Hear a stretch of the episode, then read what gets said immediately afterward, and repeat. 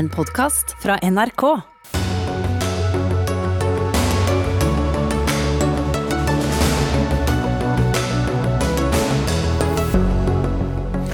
Russland skal ha begynt å trekke soldater tilbake fra den ukrainske grensen. Nato-sjefen snakker om forsiktig optimisme. Samtidig sier den norske regjeringen at en krig kan være nært forestående, og sender soldater til Litauen. Hva er det som skjer? Trondheimspolitikken er blitt så kjedelig at folkevalgte sier de tror de ikke vil ta gjenvalg neste år. Hva har to tiår med Ap-styrt trønderhovedstad egentlig gjort? Hovedstaden vil innføre rusreformen som Stortinget ikke ville ha. Oslo må ikke bli til en fristad for narkotika, sier Ap-ordfører fra Porsgrunn. Og fire år etter metoo har bokbransjen laget retningslinjer for å få bukt med seksuell trakassering. Planen er for omfattende og grenseløs, sier kritiker fra egne rekker. Det er uh, veldig kort fortalt uh, menyen i kveldens Dagsnytt 18 med Espen Aas. Og mye av den kommer til å omhandle eh, konflikten og den etter hvert så uoversiktlige situasjonen mellom Russland, Ukraina og Nato. For Russland sier i dag at de har begynt å trekke styrkene tilbake fra den ukrainske grensen. Natos generalsekretær Jens Stoltenberg sier han eh, sier er, er grunn til forsiktig optimisme, for å sitere ham. Samtidig har vår hjemlige regjering sagt at et russisk angrep kan være nært forestående, og Russlands ambassadør til EU sier at eh, hvis ukrainerne starter et angrep på Russland, så bør dere ikke bli overrasket hvis vi går til motangrep. Mange løse tråder og også blandede signaler. Jan Espen Kruse, du er eh, vår korrespondent på plass i eh, Moskva. I dag har Putin møtt Tysklands forbundskansler Scholz, eh, og det har vært pressekonferanse.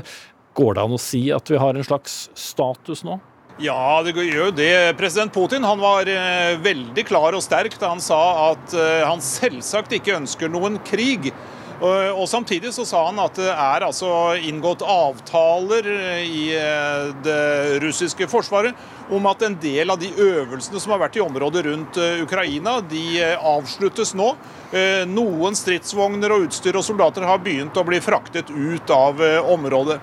Men det er altså all grunn til å si at det er, det er veldig mange andre øvelser som pågår for fullt. Eh, sånn at det er, ikke, det er ikke snakk om noe full tilbaketrekning. Eh, men eh, den, den tyske forbundskansleren han sa at det er et positivt tegn det, det, at russerne har begynt i hvert fall å trekke ut noen styrker. For det er jo det som har vært hovedkravet fra vestlig, vestlig side. Og det er det første konkrete man ser av en slags litt avspenning, i hvert fall. Mm. Og eh, alle vil jo gjerne forsøke å, å, spinne denne historien til sin fordel. Eh, Jan Espen, eh, kan Putin da si at Vesten nå driver med ren propaganda, eller kan det se ut som han har latt seg avskrekke? Ja, Så lenge det ikke har blitt noe angrep, så må vi jo kunne si at eh, president Putin har, eh, har rett. Han har jo stått knallhardt hele tiden på å si at eh, nei, Russland planlegger ikke noe angrep på Ukraina i det hele tatt. Men så er det jo et lite problem med alle disse soldatene i grenseområdet. og fra vestlig side så sier man jo at eh, det er fortsatt fullt mulig at et eh, angrep kan settes i gang. De har alle mulighetene, alle soldatene, alle våpnene og alt utstyret som trengs til det. Mm. Rett før vi gikk på lufta, Jan Espen Kruse, så kom det meldinger om at den russiske nasjonalforsamlingen ber eh, Putin om å anerkjenne utbryterregionene i Ukraina som uavhengige. Hva kan dette ha å si for konflikten? Ja, Dette er eh, et vedtak som kan føre til voldsomt masse bråk. Eh, det kan f.eks. bety at de såkalte Minsk-avtalene, som jo skal skape fred, det er i hvert fall målet i Øst-Ukraina, at disse avtalene kan eh, bli helt ubrukelige hvis Russland skulle erklære disse områdene som selvstendige republikker. Så, og da vil det nesten være helt umulig å finne fram til og forhandle seg fram til eh, noen eh, løsning på konflikten i eh, Øst-Ukraina. Så det er vel ikke så veldig mange som tror at denne saken kommer til å bli godkjent av president Putin. Parlamentet her i Russland har sendt det over til han, men det vil vekke stor oppsikt hvis, hvis han skulle godkjenne dette. Mm. Da sier vi foreløpig takk til deg, Jan Espen Kruse, med oss direkte fra Moskva. Mens uh, det kommer altså litt, uh, litt blandede signaler, men i hvert fall uh, signaler om at situasjonen roer seg noe ned. Det varslet den norske regjeringen tidligere i dag at citat, et russisk angrep mot Ukraina kan være nært forestående, og at Norge sender soldater til Litauen. Verken utenriksministeren eller forsvarsministeren hadde mulighet til å komme til sending, men Eivind Wad Petterson, statssekretær fra Arbeiderpartiet i Utenriksdepartementet, Hvorfor skal vi sende sitt eh, soldater til Litauen? Fordi situasjonen fremdeles er eh, svært alvorlig. 150 eh, 000 soldater er oppmarsjert rundt Ukraina, i nord, i øst og i vest. Vi har sett styrker forflytte seg, men det er for tidlig å si om det er snakk om forflytning eller tilbaketrekning. Situasjonen er fortsatt svært spent. Vi er opptatt av å stå sammen med våre Nato-allierte. Det er helt forståelig at våre østlige Nato-allierte i regionen eh, ønsker eh, støtte eh, fra sine allierte. Vi har vært der til stede eh, med et bidrag i litt en lengre tid. Nå, eh, gitt situasjonen, så går vi inn for å styrke det. Mm. Så har jo den uh, regjeringen du tilhører også sagt vi gjør ingenting for å støtte Ukraina militært. Og man gjør for så vidt ikke det rent fysisk, men det kan jo bli tolket som en militær støtte når vi da øker bemanningen i, i nærområdet? Litauen er et Nato-land. Én for alle, alle for én. Det bør være veldig tydelig for alle at det er våre Nato-allierte vi stiller opp for, også militært. Ukraina er en annen sak. De har vår tydelige politiske støtte, men det er uaktuelt for Norge å bidra rent militært for å støtte Ukraina. Mm. Men det er ingen frykt for hva dette kan tolkes som? Da tror jeg vi må ta i betraktning proporsjonene og forholdene her. Eh, Norge øker nå vårt bidrag med 50-60 eh, soldater. Eh, som jeg nevnte, rundt Ukraina er det nå oppmarsjert om lag 150 000 soldater. Mm. Ine Eriksen Søreide fra Høyre, du er leder av utenriks- og forsvarskomiteen på, på, Stortinget. For fem dager siden kritiserte de regjeringen, og du sa at Norge må, må trappe opp den politiske og økonomiske støtten til Ukraina. Er dere fornøyd med det som nå kommer? Jeg er fornøyd med de signalene regjeringa sender i dag om at det også kan bli aktuelt å støtte Ukraina mer, både økonomisk og politisk, det vil i så fall følge en eh, lang og tydelig norsk tradisjon som skriver seg tilbake i hvert fall fra den ulovlige anneksjonen av Krim i 2014, da den forrige regjeringa var tydelig på både den politiske og økonomiske støtten. Og så har jeg også i dag gitt eh, regjeringa anerkjennelse for at vi støtter eh, Natos østlige allierte enda mer. Det bidraget vi har hatt i Litauen over flere år, har vært et usedvanlig viktig bidrag. Og jeg mener det er en klok beslutning å nå styrke det bidraget, både fordi, som Nato sjøl sier, det er nødvendig for at vi skal ha god nok situasjonsforståelse, i tillegg til den jobben vi sjøl gjør i nord for å holde situasjonsforståelsen på vegne av Nato. Men det er også viktig for å vise solidaritet med østlige allierte, som jo også har en helt annen historisk erfaring med Russland, og derfor også nå er veldig bekymra for den utviklinga de ser i sin umiddelbare region. Mm. Hva er de seneste laget, sett med dine øyne?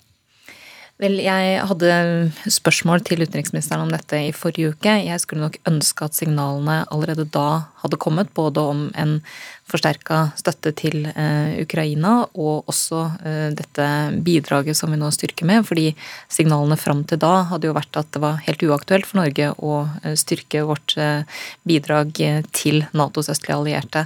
Men når det er sagt, så mener jeg det aller viktigste nå er at disse signalene kommer. Bidraget gis, det skal gis for tre måneder og skal deployeres raskt. Og jeg mener det er veldig viktig i den situasjonen vi er nå, og jeg mener det er en viktig håndsrekning til våre allierte. Mm. Men ikke alle er like opptatt av den håndsrekningen til de allierte. Audun Lysbakken, leder av SV, du er med oss på, på linje. Dere er kritiske til at regjeringen sender eh, flere soldater til Litauen. Hvorfor? Det har vært vårt eh, utgangspunkt eh, i flere år, at vi ikke ønsker en militær opptrapping heller fra vestlig side. Så er det grunnleggende og det viktige i dette dette øyeblikket, det er noe vi er enige om i Norge. Nemlig at den russiske maktbruken, fordi det å mobilisere så mye styrker i og rundt rundt et annet lands grenser er jo en form for maktbruk, en form for trusler. Det hører ikke hjemme i Europa i det 21. århundret. Det er totalt uakseptabelt. Vi ser et autoritært russisk regime som er villig til å opptre på en bøllete måte mot sine naboland. Og SV sitt soleklare utgangspunkt er å stå opp for fred, for folkerett og for ukrainernes rett til å bestemme over egen framtid.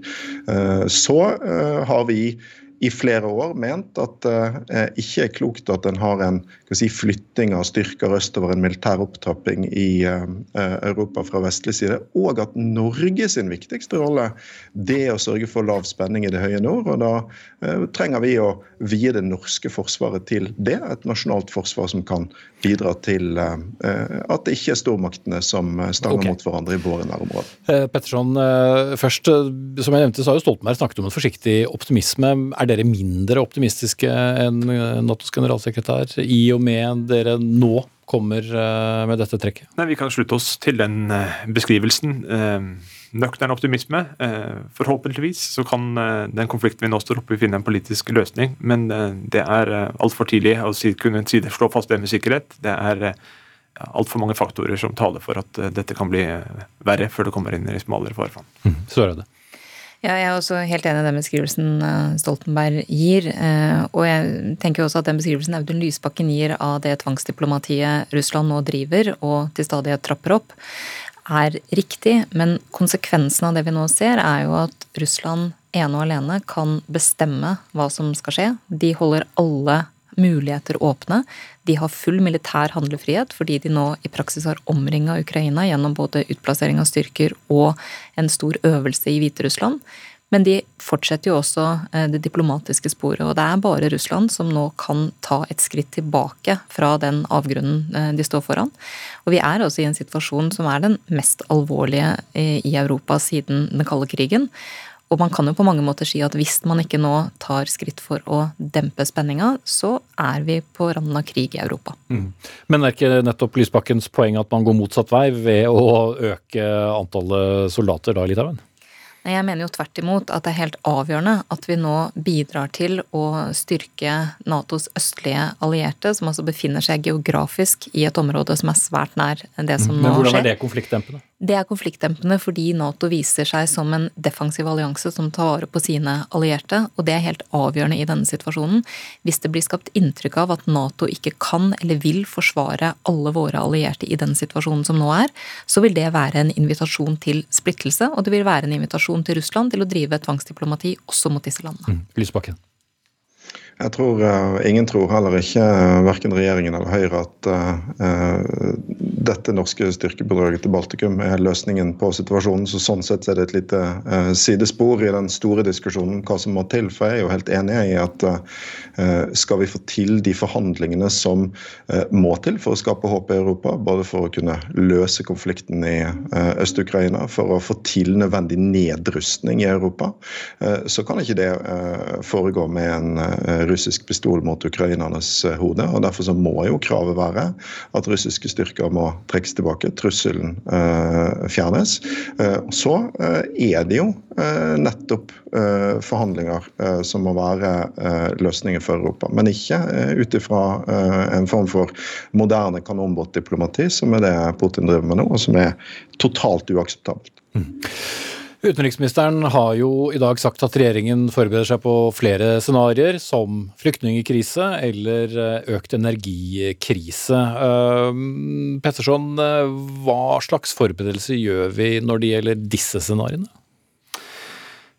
Det er jo vanskelig å spå, særlig om framtiden, men det som er helt åpenbart, er at uh, Ukraina er et stort land. Om lag 40 millioner innbyggere. En intensivert væpna konflikt vil lede veldig mange mennesker på flukt. Vi må kunne legge til eh, grunn også at veldig mange ukrainere har Ups, der kom mikrofonen seilende. Veldig mange ukrainere har eh, tilgang til å reise inn i Schengen uten visum. Eh, så det må vi også kunne forvente en ganske stor trafikk vestover. Så det er noe vi må samarbeide tett, og samarbeide tett med våre allierte og partnere i Europa om. Dessuten er vi også helt forberedt til å stille opp om det skulle oppstå nye behov for humanitær nødhjelp. Det vil vi veldig raskt kunne være med å stille opp med fra, fra norsk side. Så mm. to, to faktorer. Søreide på disse scenarioene. Ja, jeg mener det er et viktig signal som nå sendes om også styrka humanitær bistand, som jeg også etterlyste i forrige uke. Det er altså ca. tre millioner mennesker som trenger humanitær hjelp på et veldig lite geografisk område i hjertet av Europa. De har vært i krig i åtte år, fordi de russiske handlingene opphørte jo ikke ved at de tok eh, Krim. De har jo fortsatt å drive krigføring. Flere tusen mennesker er drept. Og det er en veldig prekær humanitær situasjon, der FNs nødhjelpsappell som ble sendt ut i november, ber om ca. 1,7 milliarder kroner for å hjelpe bare de 1,8 millioner mest sårbare. Så her er det en situasjon som kan eskalere på mange måter, i tillegg til den rent militære. Og jeg mener det er viktig å huske på at det vi nå står foran, er i så fall et nytt og fortsatt angrep fra Russland på Ukraina. Det vil ikke være første gang, og dette tvangsdiplomatiet må ta slutt. Fordi det er ikke mulig for noe land, spesielt ikke Russland, å definere og bestemme hva nabolandene skal orientere seg mot. Okay. Til slutt, Audun Lysbakken, dere er jo regjeringens støtteparti. Er dere forberedt på å stille noen form for ultimatum, ikke minst med tanke på håndteringen av en mulig flyktningstrøm? Jeg, jeg, tror ikke det er den enden vi skal begynne i, og det er jo en situasjon vi håper ikke skal oppstå. Men det er klart at Norge må være beredt til eh, både å hjelpe humanitært, vi må være beredt til, og det håper jeg at eh, alle partier som har vært opptatt av prinsippet om å hjelpe i nærområdene, ser at nå er Europa nærområder, og da må vi også være eh, klar til å gjøre en innsats hvis det skulle bli mange flyktninger. Og så er Norge sin rolle på litt lengre sikt å være et land som prøver å bryte med økende stormaktsrivalisering polarisering, opprustningsspiral i Europa, ta til orde for bl.a. å få nedrustningsprosessene eh, i gang igjen. Eh, det er eh, en skummel situasjon i øyeblikket, men den har vært under oppbygging lenge. Og det er heller ikke sånn at om dette kritiske øyeblikket glir over, at problemene er løst. Sånn at Norge må være en stemme for, for nedrustning og for å finne forhandlede løsninger på sikkerhetsutfordringene i Europa. Audun Lysbakken, leder av SV. Ine Eriksen Søreide, leder av utenriks- og forsvarskomiteen på Stortinget fra Høyre. Og Eivind Wad Petterson, statssekretær fra Arbeiderpartiet i Utenriksdepartementet. Men vi gir oss ikke helt der. For uh, enhver som uh, følger uh, med på markedene, vet at det har vært en del uroligheter om hva denne konflikten kan komme til å få av betydninger. Også, som jeg nevnte i sted, nemlig en økt krise innenfor eh, energi. Tina Saltvedt, sjefanalytiker for bærekraftig finans i, eh, i, Nordea. Hva er den mest åpenbare eh, effekten en, en eskalering av konflikten kan få på, på det som jo er en energikrise i dag? Det vi har sett så langt, det er jo at bl.a. oljeprisen og gassprisene øker veldig kraftig. Og En viktig årsak til det er jo nettopp at eh, Russland er eh, den viktigste leverandøren av olje, gass og kull til Europa. Slik at det man er redd for ved en eh, potensiell krig eller militær førsel, det er nettopp at noe skal skje med leveransene. Og så er det veldig lite reserver å gå på. Det er ikke mye ekstra olje eller ekstra gass i markedet markedet. Og det gjør at når det blir den type turbulens, og særlig når det inkluderer en stor olje- og gassprodusent som Russland er, så ser vi at prisene flyr opp fordi at man er bekymret for at det kan bli lite leveranse fremover. Mm. Og så kommer det da signaler om at russerne begynner å trekke noen tropper tilbake, og så ser vi plutselig at f.eks. oljeprisen snur da ganske raskt. Hva forteller det om nervøsiteten? Jo, det sier ganske mye, og det som er i denne prisen er innebakt en såkalt risikopremie. Rett og slett at vi er villige til å betale betale i dag litt ekstra for å kjøpe oljen og gassen nå, i tilfelle det eskalerer og noe skjer med leveransene, slik at det kan bli enda dyrere i fremtiden. Så prisene på olje og gass, det er det ingen tvil om, er veldig følsomme for de politiske situasjonene, fordi det er veldig lite ekstra å gå på. Mm. Peter eh, Warren, investor også, og, og podkaster, du følger også med på, på markedene. Og som Saltvedt er innom, vi er, vi er veldig avhengig av, eh, av, Russland. Eh, og vi har jo mange her fått merke på kroppen hvordan energimarkedet i, i Europa også påvirker Norge. Er vi sårbare? Ja, vi er jo sårbare. Vi har satt oss i en situasjon hvor vi er sårbare.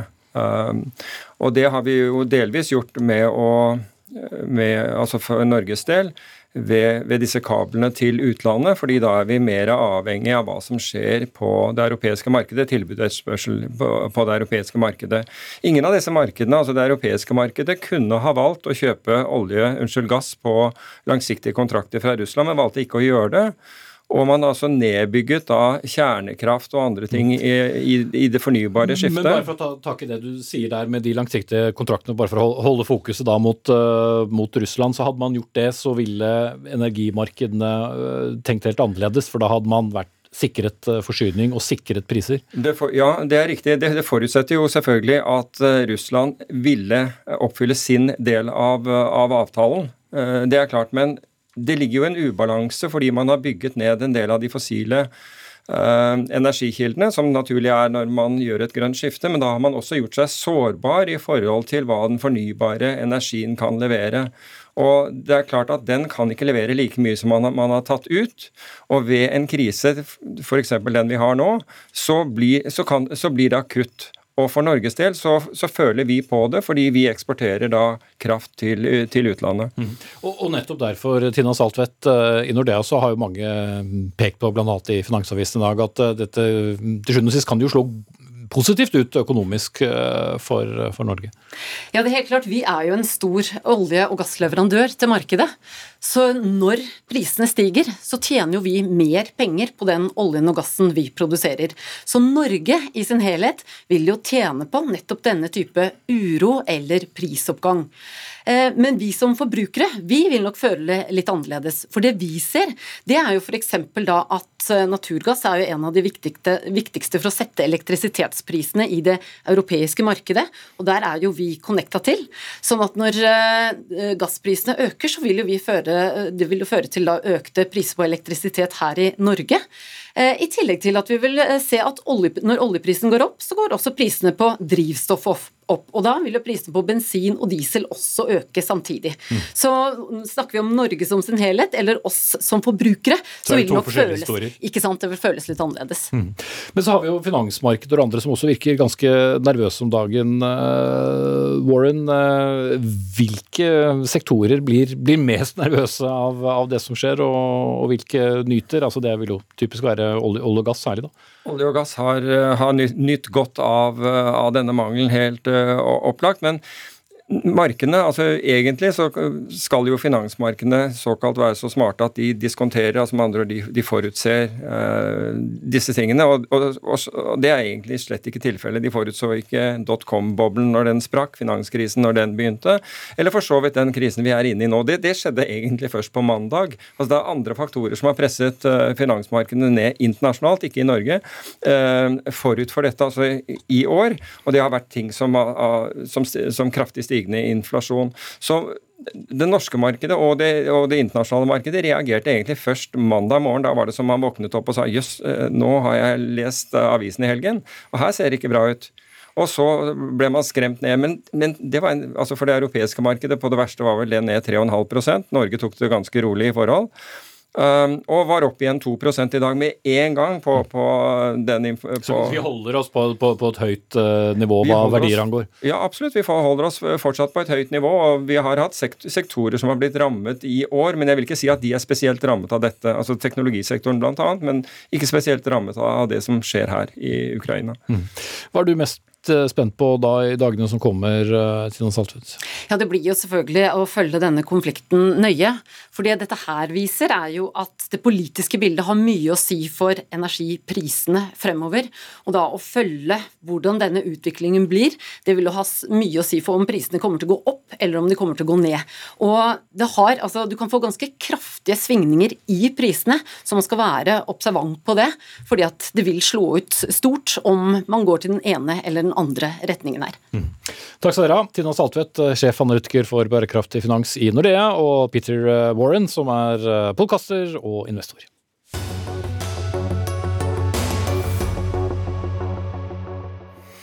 Klokken er 24 eh, minutter over seks. Du lytter til Dagsnytt 18. Senere i sendingen strengere regler for å forhindre trakassering i bokbransjen er presentert, men lederen for Litteraturhuset i Bergen mener de er både for omfattende og grenseløse. Det blir debatt eh, senere i Dagsnytt 18. Hva skjer med politikken når det alltid er det samme partiet som er på toppen? Det skal vi forsøke å finne et slags svar på nå. For i Trondheim så må du være et stykke opp i 20-årene for å huske noen annen ordfører enn Arbeiderpartiets Rita Ottervik på toppen. Flere medlemmer av bystyret sier nå at de har fått nok. Politikken er blitt for kjedelig. Sivert Bjørnstad fra Fremskrittspartiet, fleste av Dagsnytt 18 publikummere kjenner deg kanskje først og fremst fra Stortinget, men du har valgt å fortsette også å sitte i bystyret hjemme i, i Trondheim i ti år. Men nå sier du at uh, du tror det holder. Hva er det som har gjort uh, politikken i en så stor by som Trondheim kjedelig? Ja, Det er jo det som er litt trist, at, eh, at, politikken i en så stor by forsvinner litt i det, i det rikspolitiske bildet og i de debattflatene du også står for. Jeg er ganske sikker på at Hvis du tar en opptelling, så er både bergenspolitikken og Oslo-politikken diskutert vesentlig mer eh, her enn hva politikken i Trondheim er. Og jeg tror det, det er nok ulike svar på hvorfor det er sånn. Men jeg tror det handler både om kultur og om struktur, som det ofte er i sånne eh, spørsmål. Og Én ting er nok det strukturelle i trondheimspolitikken, at det er den såkalte formannskapsmodellen. Mm. Jeg skal ta tak i den om, om, om veldig kort tid, men uh, som opposisjonspolitiker i, i Trondheim i, i, ti år, har ikke du et ansvar for å få litt mer futt inn i den politikken som du mener blir kjedelig? da? Jo, absolutt. Opposisjonen kan alltid bli bedre, og helt sikkert her også. Man kan peke på media, at det er for lite mediemangfold i en stor by som, som Trondheim. Tidligere så var jo både VG og Dagbladet og Dagens Næringsliv der. Eh, ingen av dem er der til stede nå. Men det handler nok også om en politisk ledelse som er veldig usynlig, eh, og som eh, ofte peker på rådmannen, eller kommunedirektøren som det heter nå. Og jeg er helt sikker på at eh, Morten Volden, som er kommunedirektør i Trondheim, opererer veldig ofte som kommunens ansikt utad. Og jeg tror flere på min alder kjenner igjen han enn Rita Ottervik, og det syns jeg jo er synd. Selv om han da ikke er valgt, men, men ansatt. Roar Aas, du er gruppeleder for uh, Arbeiderpartiet i, i Trondheim, uh, og kommer i ordfører Rita Otteviks sted, for hun kunne ikke møte. Hva svarer du Bjørnstad, og også flere andre, bl.a. fra MDG, som, som synes at politikken i, i, Trondheim er blitt i overkant kjedelig å være en del av? Nei, For det første så kjente jeg meg helt igjen i beskrivelsen, for så vidt. For det er jo eh, Vi har hatt mye store og gode og viktige debatter i, i Trondheim. Eh, og så er det jo sånn at eh, det krever jo to for å danse tango, tenker jeg. og Hovedoppgaven for posisjon er jo å få gjennomført den politikken man har gått til valg på. og Der er vi jo godt i rute. Og Så er det jo oppgaven til opposisjonen å, å komme med gode alternativer og, og skape debatten mye godt. og jeg tenker jo først og fremst at, eh, at opposisjonen må gå i seg sjøl litt i forhold til å eh, ja, skape de gode debattene. Jeg er jo uenig med Sivert Bjørnstad at Rita Ottervik er en ukjent person i, i både rikspolitikken og, og, for så vidt i uh, Trondheimsbildet. Jeg tenker at hun er ofte i media og, og uttaler seg om saker. Men det er kanskje også kommunaldirektøren? Ja, nå har det jo vært en litt spesiell situasjon med pandemi og smitte osv. Og, og, så videre, og kommuneoverleger og hele pakken der. Så, så, sånn sett så har det jo den siste tida også vært en del med kommunedirektøren. Men jeg har ikke gjort ei opptelling, jeg, men jeg vil tro at uh, også ordføreren er, eller er oftere enn kommunedirektøren i avisa eller i media. Ja, Bi litt eh, begge to nå, fordi Sivert eh, Bjørnstad nevnte nemlig formannskapsmodellen som man har i, Trondheim, som er eh, annerledes enn i f.eks. Bergen og Oslo, hvor man har såkalte byregjeringer eller parlamentariske modeller. Og Da skal jeg hente inn deg, Siv Sandvik, politisk redaktør i Adresseavisen. Hva ville forskjellen vært om også Trondheim innførte en parlamentarisk modell? Nei, Da hadde vi jo fått eh, et eh, byråd med byråder for alt fra skole til samferdsel, som hadde stått eh, ansvarlig for å gjennomføre den politikken som bystyret, gjennom, som bystyret vedtar på det punktet. Og det hadde også vært dem som hadde vært ansvarlig og styrt administrasjonen. Og hvis flertallet i bystyret ikke hadde vært fornøyd med den jobben de hadde gjort, så kunne de blitt kasta, akkurat som stortingsflertallet i dag kan kaste regjeringa. Eh, og i formannskapsmodellen som vi har eh, i dag, og som de fleste kommuner i Norge har, Eh, så er det ikke de samme mekanismene der. Der er det jo administrasjonen som utfører eh, det som kommunestyret eller bystyret bestemmer. Og de som vil beholde formannskapsmodellen i Trondheim, den sier jo at den legger opp til åpenhet og samarbeid mellom eh, de ulike partiene, og også er billigere og krever færre heltidspolitikere. Mens de to politikerne som er i studio hos deg nå, de er jo begge for den parlamentariske modellen, for, men det er likevel ikke blitt gjennomført uh, i Trondheim. Mm. Uh, og store partier er jo ofte for det, men uh, Bjørnstad, i hvor stor grad ville da dynamikken ha endret seg om du hadde egne byråder for hvert av områdene? Jeg tror det ville ha vært helt annerledes. fordi det dynamiske ordskiftet som Roar Aas prøver å si at vi, at vi, bør ha, det er ikke mulig. fordi at det er sånn at eh, Den politiske ledelsen i Trondheim, hver gang noe går bra, så kan man høste æren av det og eh, skinne i sola før valg. Men når noe går galt, så peker man på kommunedirektøren. og Det gjør noe med den pulveriseringa av, av ansvaret som det er å være politisk leder. Du kan ikke bare stå i solskinnet på godværsdagene og, og høste æren da, du må også tåle å ta kritikk. Og det er det veldig sjeldent i trondheimspolitikken. Da peker man bare på kommunedirektøren, og kommunedirektøren er det ikke veldig interessant for opposisjonen å diskutere med. Ikke er det ønskelig for kommunedirektøren heller, han er ikke en politisk uh, aktør. Det er det ordføreren som er, men når, så lenge hun bare sitter og peker på kommunedirektøren, så er det umulig å få en god politisk debatt. Mm. Før du sier at du ikke gjenkjenner helt den situasjonen heller, Roar Aas, la oss ta dette med den parlamentariske modellen. Hvis dere også er eh, for det, hvorfor, hvorfor har man ikke den modellen i, i, Trondheim? Så vidt jeg har skjønt, så har vel dette vært diskutert i sånn ca. 40 år nå? Ja, det er nok uh, riktig. Jeg har ikke vært med på å diskutere den i 40 år, men, uh, men, det har nok vært diskutert, og, og, det har stått høyt opp på lista for Arbeiderpartiet. Uh, for det er jo riktig sånn som blir sagt her, at man får en helt mer annen og bedre oversikt over, over drifta. Man får mye mer direkte innflytelse og kortere vei, samtidig som man legger altså det politiske ansvaret blir mye, mye tydeligere. Mm. Så hvorfor er det ikke sånn? Nei, som sagt så har det stått høyt opp på lista. Vi har jo vært i forhandlinger med samarbeidspartiet som ikke er så ivrig på den parlamentariske modellen. og Da har man jo sittet i sine nattetimer, og til slutt så har det vært politikken, altså god eldreomsorg, gode skoler, full barnehagedekning, trygghetsalarmer osv. som har vært viktigst for oss også. Eh, og Det tror jeg også er viktig for, for Trondheims innbyggere.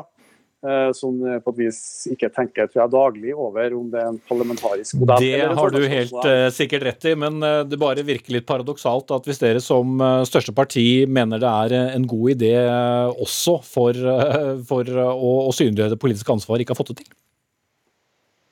Ja, nå er jeg som sagt, Du sa vel det sjøl, at man er nødvendigvis ikke helt enig i beskrivelsen fra Sivert Bjørnstad. Jeg har nå sittet som heltidspolitiker i to år. Jeg nå opplever ikke at det bare er solskinnshistorie. Okay. At vi også må ta ansvar for politikken. Jeg kan, jeg kan ta, et, ta, et, eksempel da, fra hvordan det er i, i, bystyret i dag. så er det sånn at Vi som er menige bystyrerepresentanter, vi har mulighet til å stille ordføreren spørsmål. Eh, og stille såkalte interpellasjoner. og Da det, eh, formuleres det som et spørsmål til ordføreren. og Da skulle man jo kanskje tro at det er ordføreren som svarer på de spørsmålene. Men eh, det er litt vilkårlig i Trondheim kommune, for plutselig så peker ordføreren på kommunedirektøren og sier at kommunedirektøren skal svare på spørsmål til ordføreren. Og Det skal jo være et veldig klart skille mellom politikk og administrasjon i den såkalte formannskapsmodellen, men det skillet blir mer og mer viska ut når man overlate til administrasjonen å svare på mm. politiske spørsmål. og Det er jo litt av problemet. Ok, Da tror jeg jeg forstår uh, godt problematikken. Da vil jeg hente inn deg igjen, uh, Siv Sandvik, som politisk redaktør i, den, uh, i, i Adresseavisen. er politikken i byen kjedelig? Altså, hvis jeg svarer ja på det spørsmålet, så lever kanskje jobben min uh, farlig. Uh, nei, for, altså, det skjer mye spennende i, i trondheimspolitikken, og det viktigste for oss er å formidle konsekvensene av de vedtakene uh, som fattes, om det gjelder byutvikling eller skolestruktur. Men når det kommer til den politiske debatten, så er jeg jo enig i at der, der kunne temperaturen med fordel ha gått opp et par hakk. Og jeg tror også at hvis vi hadde fått en parlamentarisk eh, styringsmodell, eh, så har det bidratt eh, til det. Og når Arbeiderpartiet sier at de det er de politiske sakene som er viktigst for dem, eh, og at det derfor blir forhandla bort da, gang etter gang, så er det jo også verdt å bite seg merke i det Rita Ottervik eh, sa til oss i Adresseavisen eh, før jul, nemlig at hun er bekymra for gjennomføringa av politiske saker, f.eks. når det kommer til heltidspolitikk. At dersom det var en politiker som satt i førersetet for å gjennomføre det, fremfor en, en byråkrat, så hadde vi hatt helt andre resultater i Trondheim. Og nettopp flere heltidsstillinger er jo et kjerneløfte i, i valget fra Arbeiderpartiet. Og da kan ikke man nødvendigvis si at eh, det er formuleringene på politikk i en uh, politisk plattform som er viktigst, dersom det faktisk er sånn at styringsmodellen står i veien for å, å gjennomføre det. Mm. Så hørte vi uh, Sivert Bjørnstad i, i studio fra, fra, Frp peke på at det blir noe utmattende og noe vanskelig å få stilt den politiske ledelsen til ansvar fordi ordføreren eller andre da raskt peker på de som langt på vei har noe av det opp operative ansvaret da i denne modellen med å, med å gjennomføre den politikken som politikerne bestemmer. Men er det så enkelt? Ja, altså jeg tror jo at både byens eh, innbyggere og byens eh, journalister snakker mye mer med oppvekstdirektøren eh, hvis det er problemer knytta til en, en, skole eller eh, skoleøkonomi, skolebygg, enn de snakker med lederen for eh, oppvekstkomiteen eh, i bystyret. og Ofte så blir det jo en politisk debatt der det først i administrasjonen, så det politiske flertallet, og, da, og der uenigheten mellom f.eks. Arbeiderpartiet og Høyre eller Arbeiderpartiet Arbeiderpartiet og Frp kommer litt uh, i bakgrunnen. Så der vil jeg bare benytte sjansen da, til å si til byens uh, politikere at våre debattspalter er åpne. Så hvis de syns uh, bystyret er litt kjedelig, så kan de jo bare skrive inn til Midtnorsk debatt. Og vi elsker jo debatt også i Dagsnytt 18, enten det er påstander om trege trøndere eller ikke. Sivert Bjørnstad fra Fremskrittspartiet, Roar Aas fra Arbeiderpartiet og politisk redaktør i Adresseavisen Siv Sandvik, takk skal dere ha, tre.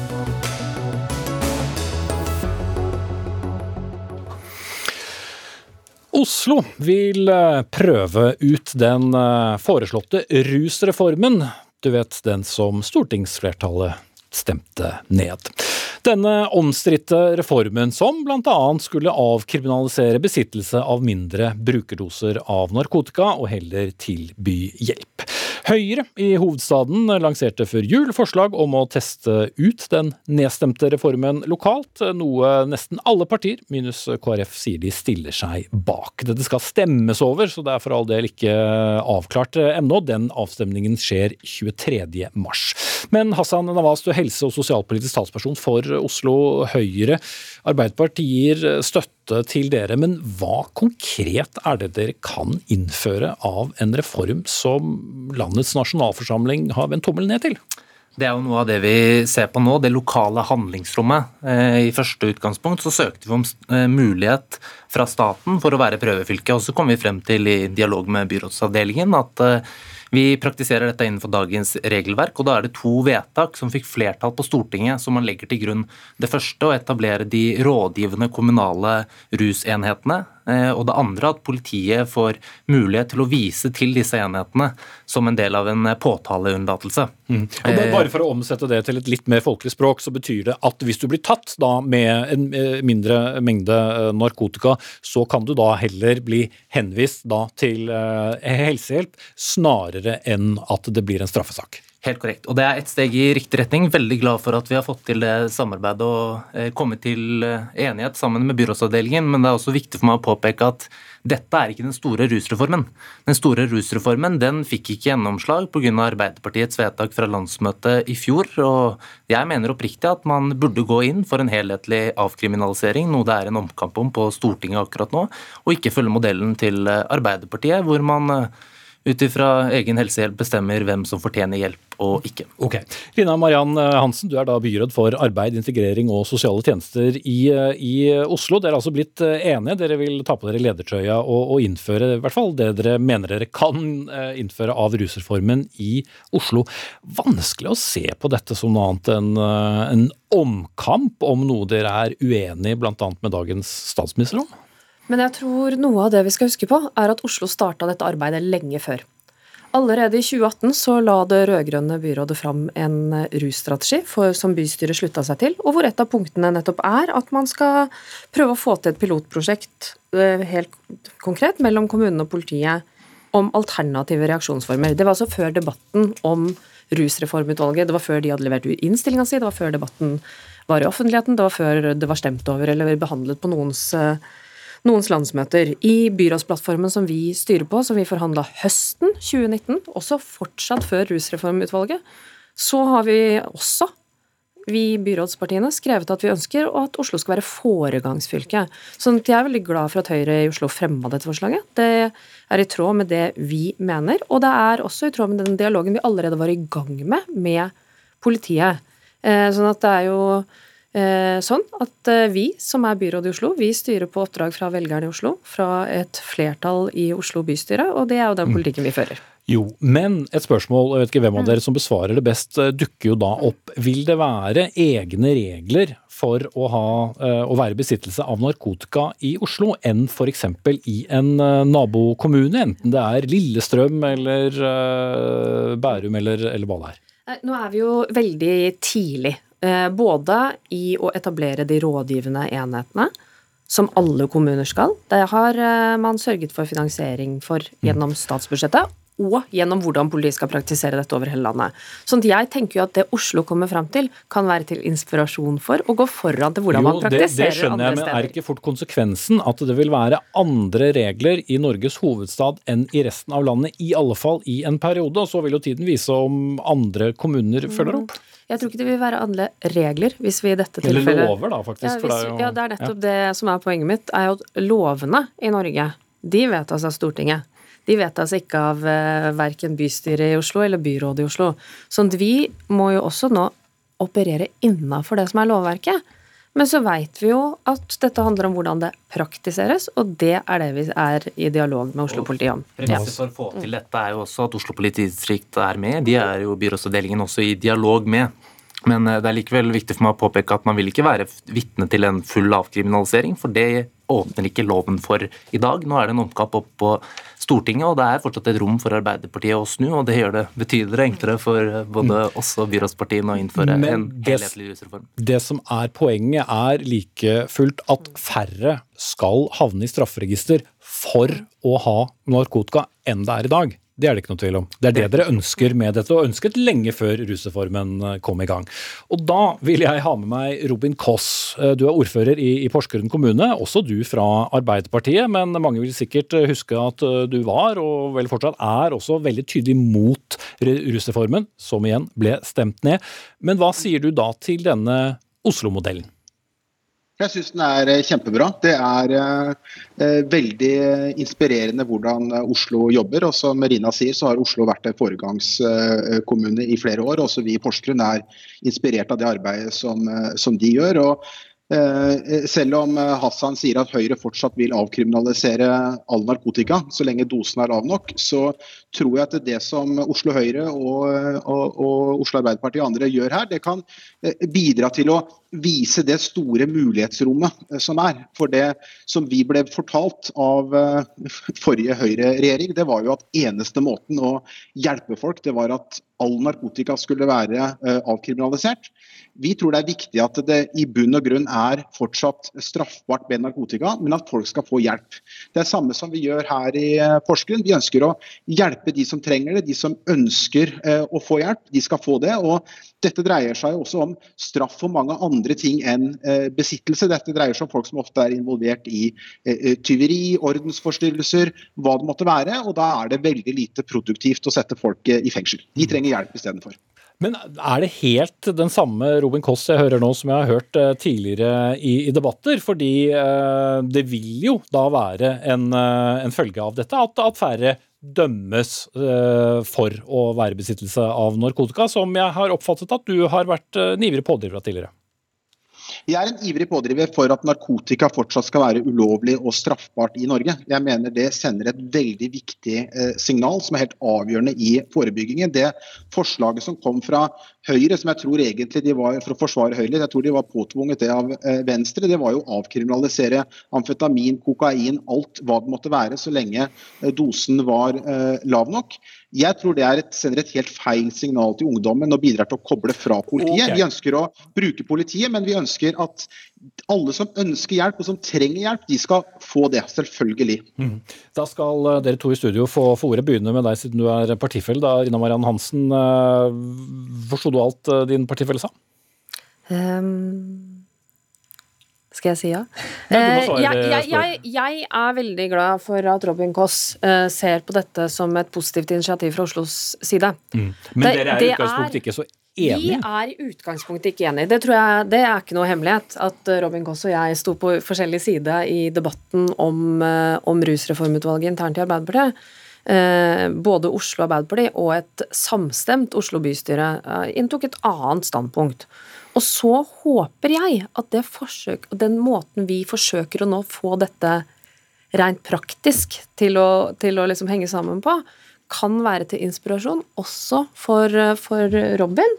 Eh, for det veit vi jo at mange ting som vi har gjort i Oslo på rusfeltet, har vært før. Enten det er at Oslo gikk foran når det gjelder metadonutdeling veldig tidlig, og få etablert et sprøyterom, at vi var pådriver for heroinassistert behandling, som er et forsøk som starter i år så vet vi at veldig mange initiativ her er kommet fra Oslo og Oslo kommune. Mm. Ja, du fikk jo et par slengere her, Hassan Navas fra, fra Høyre i, i Oslo, fra, fra Koss. Men eh, du føler vel en, stadig en viss begeistring om at du eh, får med deg Arbeiderpartiet på dette uh, likevel? Ja, det er jeg glad for, i hvert fall her i Oslo. og Sist vi hadde den debatten, så kunne vi høre Kåss ta til orde for at det fantes forskning som tok til orde for at avkriminalisering er ikke avkriminalisering var veien å gå. Eh, men at han ikke hadde den med, så jeg, håper Kåss kunne vise oss den forskningen i dag. I alle tider så har vi prøvd en linje som handler om straff og forbud, og jeg mener det er på høy tid å stille oss spørsmålet hva er resultatene av den linjen. Det er flere overdosedødsfall. Der ligger Norge i toppen på du trenger ikke ta i verden. Robin Koss kan få lov til å, svare på det her og nå. Det er blitt en viss aktivitet på sosiale medier også om denne forskningen ja, din, Koss. Vær så god. Det blir en eh, storm på, på Twitter. Det, det, blir det eh, ofte når vi diskuterer dette her. og Det er bra at det er svært, eh, svært engasjement om eh, temaet. Det som er viktig, og som jeg har prøvd å, å få fram som, som, fastlege, så er jeg veldig aktiv i å hjelpe folk f.eks. til å få metadonbehandling. Eh, Men det som er det store skillet, det er om narkotika skal være ulovlig og straffbart eller ikke.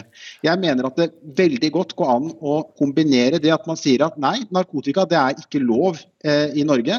Det er faktisk i bunn og grunn straffbart å kjøpe, være i besittelse av narkotika. Men hvis du ønsker hjelp, hvis du trenger hjelp, så skal samfunnet stille opp for deg. Og Det gjelder, gjelder enten det er idrettskjendis som ble tatt med kokainkjøring i, i, bilen, eller det gjelder en heroinist som ble tatt for et villainnbrudd, eller det gjelder ungdom som blir tatt med hasj for første gang. Hvis folk ønsker hjelp og er motivert for hjelp, så er det det som vi må stille opp med. Og jeg håper at ja. det som, som skjer nå i Oslo Og da kan du få det i stedet for straff. Robin Kåss. da skal de få hjelp i stedet for straff. Helt riktig. og det er f.eks. at eh, når noen blir tatt for eh, Det er ingen som sier at det skal være straffefritt å eh, bryte seg inn i eneboliger, men hvis f.eks. En, som er avhengig, en som er avhengig av heroin, blir tatt og bryter seg inn i en enebolig, ja vel, kanskje han kan få en behandling i stedet for å bli satt i fengsel. Okay. Så det mener jeg er et men, veldig viktig Hansen. Men det vi snakker om, er jo de som eh, i dag blir ilagt straff pga. bruk og besittelse. Ikke hvis du er eh, tatt eller dømt for vinning eller vold, eh, og så skal det er, et, det er, liksom en annen diskusjon. Vi kan gjerne ta den diskusjonen. Jeg, jeg syns det er klokt at vi diskuterer denne, også disse delene oftere. Men det vi snakker om nå, er jo de som tas, de som politiet påtreffer for bruk og besittelse. Der har vi allerede sett en endring etter Riksadvokatens føringer ut til politiet om hva man har lov til og ikke lov til å kontrollere folk for, at det er færre som blir på, eh, pågrepet. Eh, det mener jeg er bra, at ikke politiet liksom skal ta seg til rette osv. Mm. Men, så, men så må vi inn i det som nettopp du utfordra Robin Koss på. Hva mener vi om straffesporet? Og Robin Koss snakker jo om de som er motivert for, eller ønsker å ta imot hjelp. Men det er jo sikkert en hel del som tas, og som ikke liksom er motivert for. Eh, og jeg mener også de må, må komme inn under den modellen vi snakker på, likebehandling for alle. Og Hadde jeg ikke frykta det kom et veldig langt svar, så skulle du fått svart på det også nå, eh, Robin Koss. Men uh, du har i hvert fall beveget deg et stykke, virker det som, fra, fra sist gang. Jeg takker dere av, Robin Koss, ordfører i Porsgrunn for Arbeiderpartiet, Rina Mariann Hansen, byråd for arbeid, integrering og sosiale tjenester for Arbeiderpartiet i Oslo, og Hassan Nawaz fra Høyre i Oslo.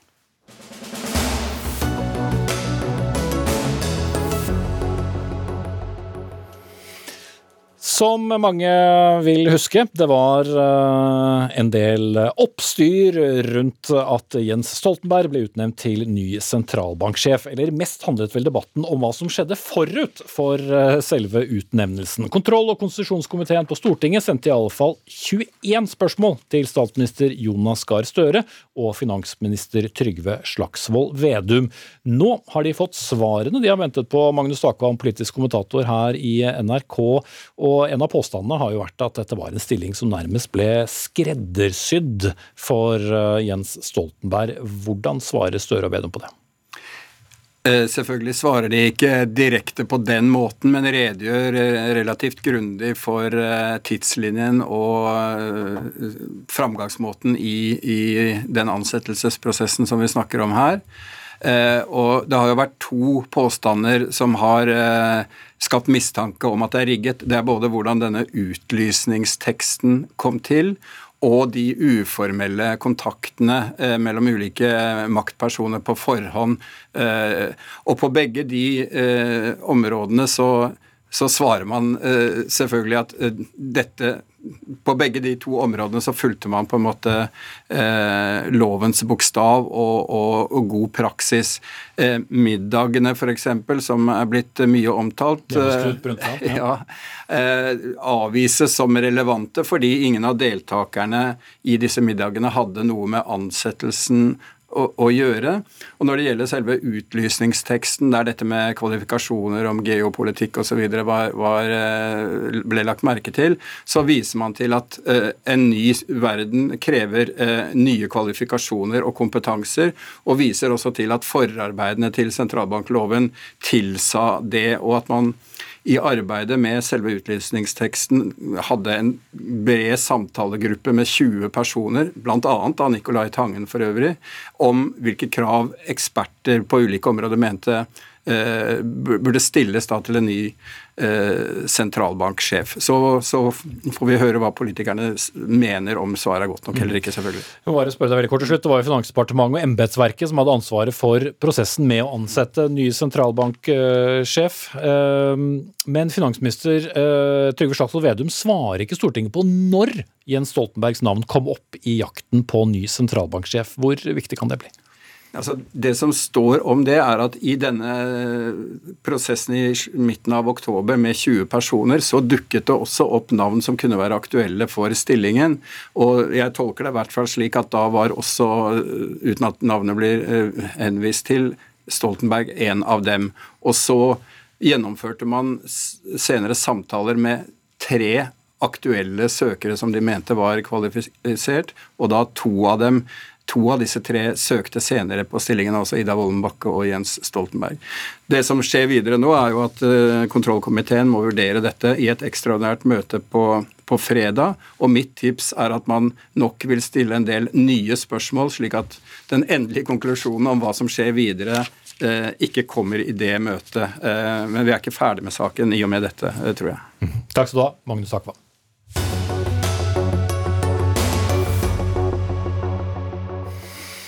Snart fire år etter at metoo-bølgen rystet landet, har bokbransjen nå presentert et nytt regelverk for å slå ned på seksuell trakassering i sine rekker. De nye retningslinjene slår fast at alle i bransjen skal være bevisst på sin rolle og sin makt, også tenke over hvordan spøk og humor kan oppfattes av andre.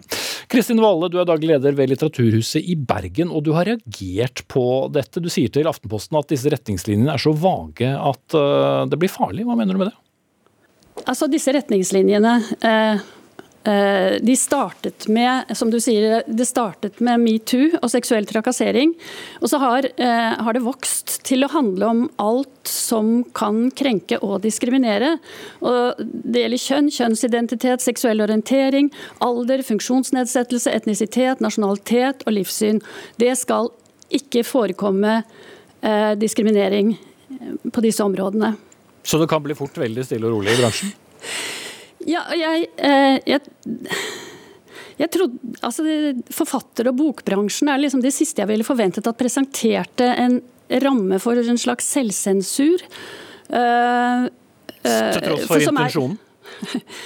Ja, altså Intensjonen er god. Selvfølgelig. Voldtekt er straffbart. Og seksuelle krenkinger Det er vanskelig å styre folks atferd. Men Altså Det er velment, men det er samtidig kjempeskummelt. For hva er konsekvensen av å, bruke disse, av å bryte disse påbudene, mm. og hvordan skal det håndteres? Og det, skal vi stille, det spørsmålet skal jeg stille rett til deg, Heidi Ausli. Du er direktør for Forleggerforeningen, og det er du som tok initiativet til disse retningslinjene. Hva, hva er det det løser, og kan det ikke også skape problemer, som Valle peker på?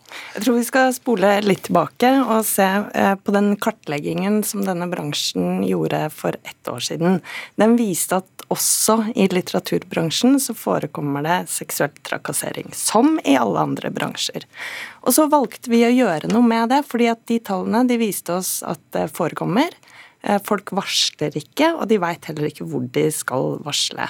Og da tok alle vi som er organisasjoner i denne bransjen, et ansvar for å lage en verktøykasse for å forebygge og håndtere. Og det er det vi har gjort nå, hvor retningslinjene er én del av det, og som sier noe om hvilke forventninger er det vi har til hverandre i denne bransjen. Mm. Og dessverre kan jeg vel også si at så trenger vi denne påminnelsen. Da. Og Det skjønner jeg, men så er jo da Kristin Valle bl.a.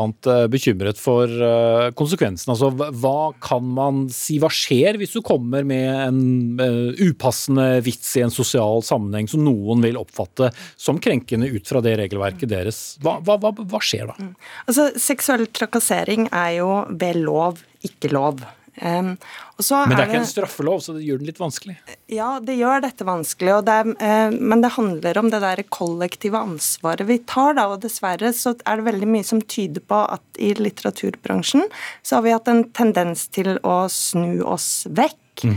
Men, men konsekvensen av å bryte regelverket er vel det vi prøver å komme ja. frem til? Altså det, uh, dette er regler, noen kjøreregler, retningslinjer, kall det gjerne kardemommelov. Altså en påminnelse til oss alle om hvilke forventninger vi har.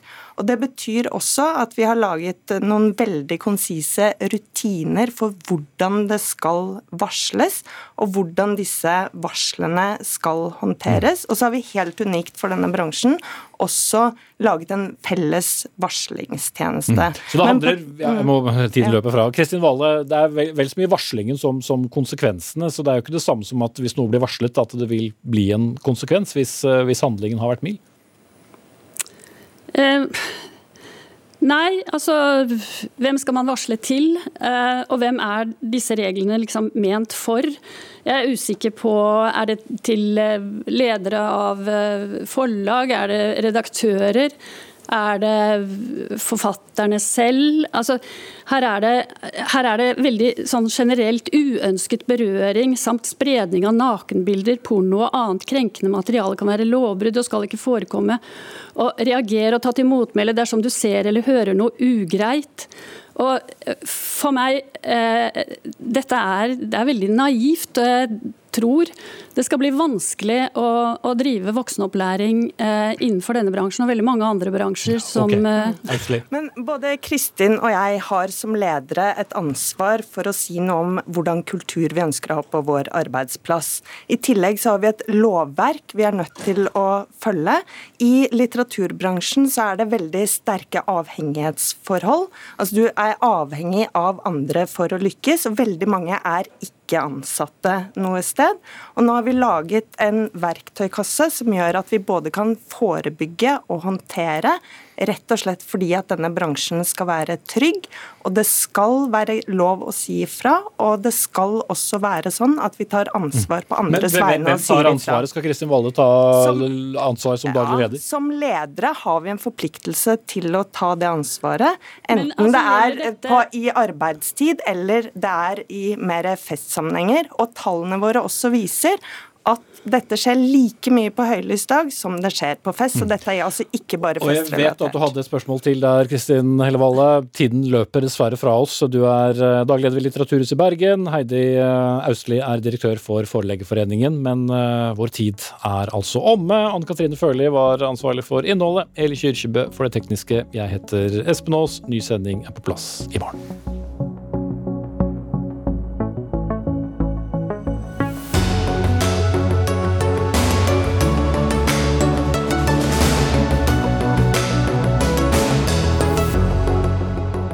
Du har hørt en podkast fra NRK.